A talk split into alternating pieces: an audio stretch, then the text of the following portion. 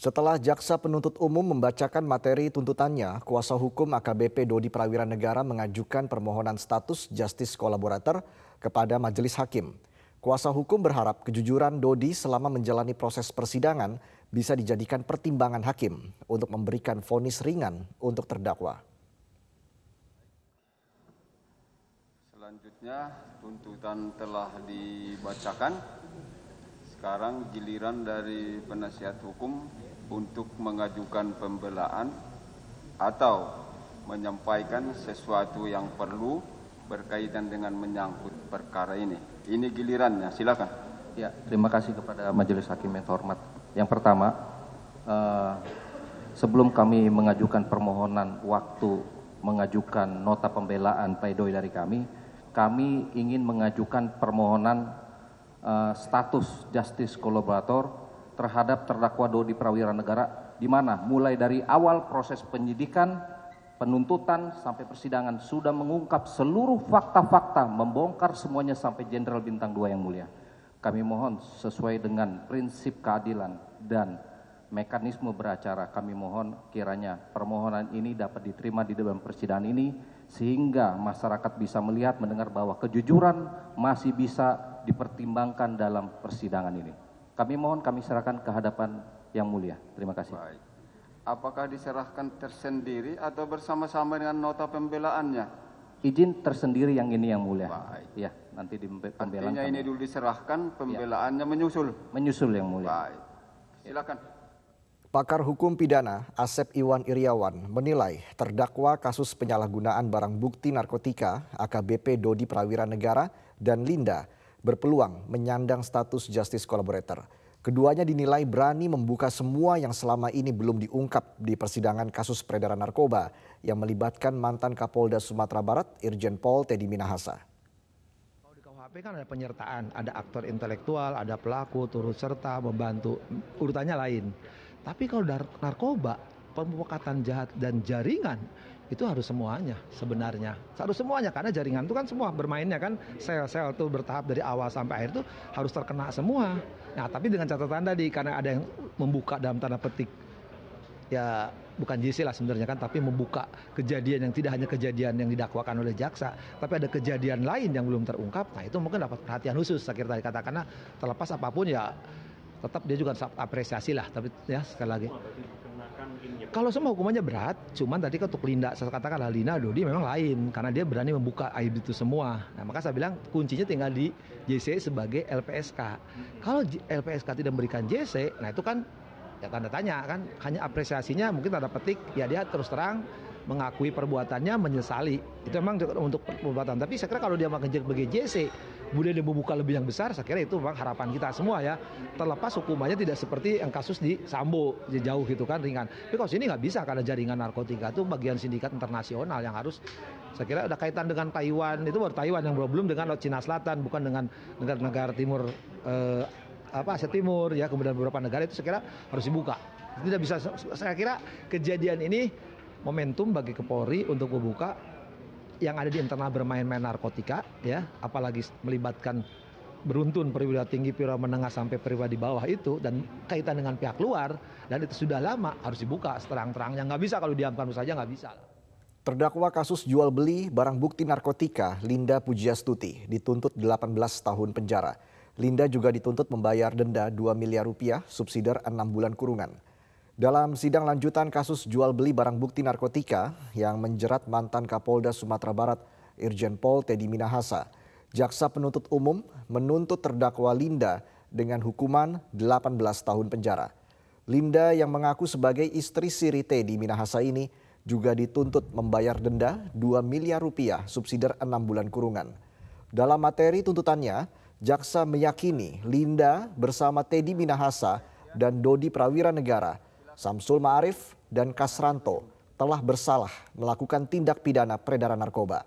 Dalam kasus ini, Linda didakwa menawarkan, membeli, menjual, dan menjadi perantara narkotika golongan satu jenis sabu hasil barang sitaan. Dalam persidangan sebelumnya, Linda membuat beberapa pengakuan yang menghebohkan, termasuk mengaku sebagai istri siri Teddy Minahasa. Dalam pasal 184 ayat 1 huruf C menyatakan terdakwa Linda Pujiastuti alias Anita bersama-sama dengan saksi Samsul Ma'arif, saksi Teddy Minahasa Putra, saksi Dodi Prawira Negara, serta saksi Kasranto telah terbukti secara sah dan meyakinkan bersalah melakukan tindak pidana. Mereka yang melakukan secara hak menawarkan untuk dijual, menerima, menjadi perantara dalam jual beli, dan menyerahkan narkotika golongan satu bukan tanaman yang beratnya lebih dari 5 gram. Sebagaimana diatur dalam pasal 114 ayat 2 Undang-Undang Republik Indonesia nomor 35 tahun 2009 tentang narkotika junto pasal 55 ayat 1 ke 1 KUHP dalam dakwaan pertama kami.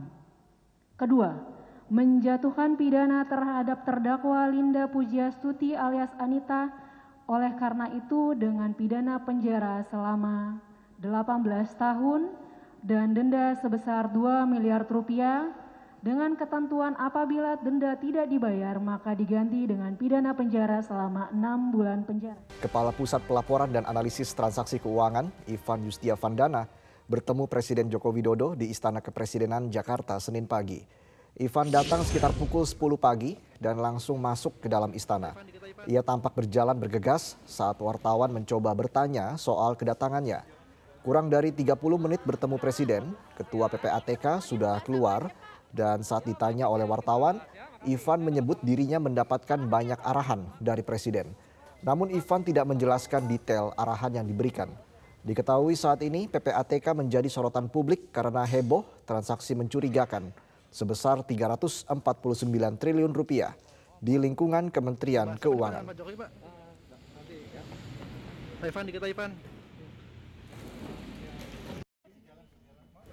Instruksi Kapolri untuk tidak bergaya hidup mewah dan melakukan flexing barang mewah di media sosial seperti tidak dihiraukan oleh Kasat Lantas Polres Malang AKP Agnis Juwita Manurung yang masih memamerkan barang mewahnya di akun media sosialnya. Atas tindakannya itu, Kasat Lantas Polres Malang itu tengah diperiksa oleh Bitpropam Polda Jawa Timur. Dalam video yang diunggah akun TikTok @pejabat curang yang memperlihatkan AKP Agnis kerap bergaya dengan tas mahal hingga sepeda balap berharga puluhan juta rupiah yang dinilai tidak sebanding dengan gaji yang ia terima sebagai aparat penegak hukum. Terkait unggahan barang mewahnya, AKP Agnis membantah dengan menyebut bahwa tidak semua barang tersebut adalah miliknya karena beberapa barang adalah hasil pinjaman dan pemberian dari rekan AKP Agnis. Atas tindakannya tersebut, Kasat Lantas Polres Malang, AKP Agnis Juwita Manurung, tengah diperiksa oleh Bitpropam Polda Jawa Timur. Selain itu, Polres Malang juga Polres Malang telah mengeluarkan teguran kepada AKP Agnis.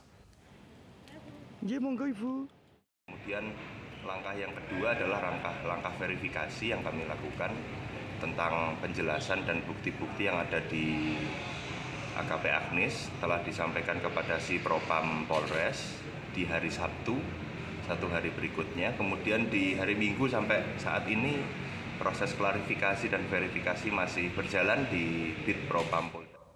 Nama Menko Polhukam Mahfud MD disebut-sebut dalam rapat dengar pendapat antara Komisi 11 DPR dengan Menteri Keuangan.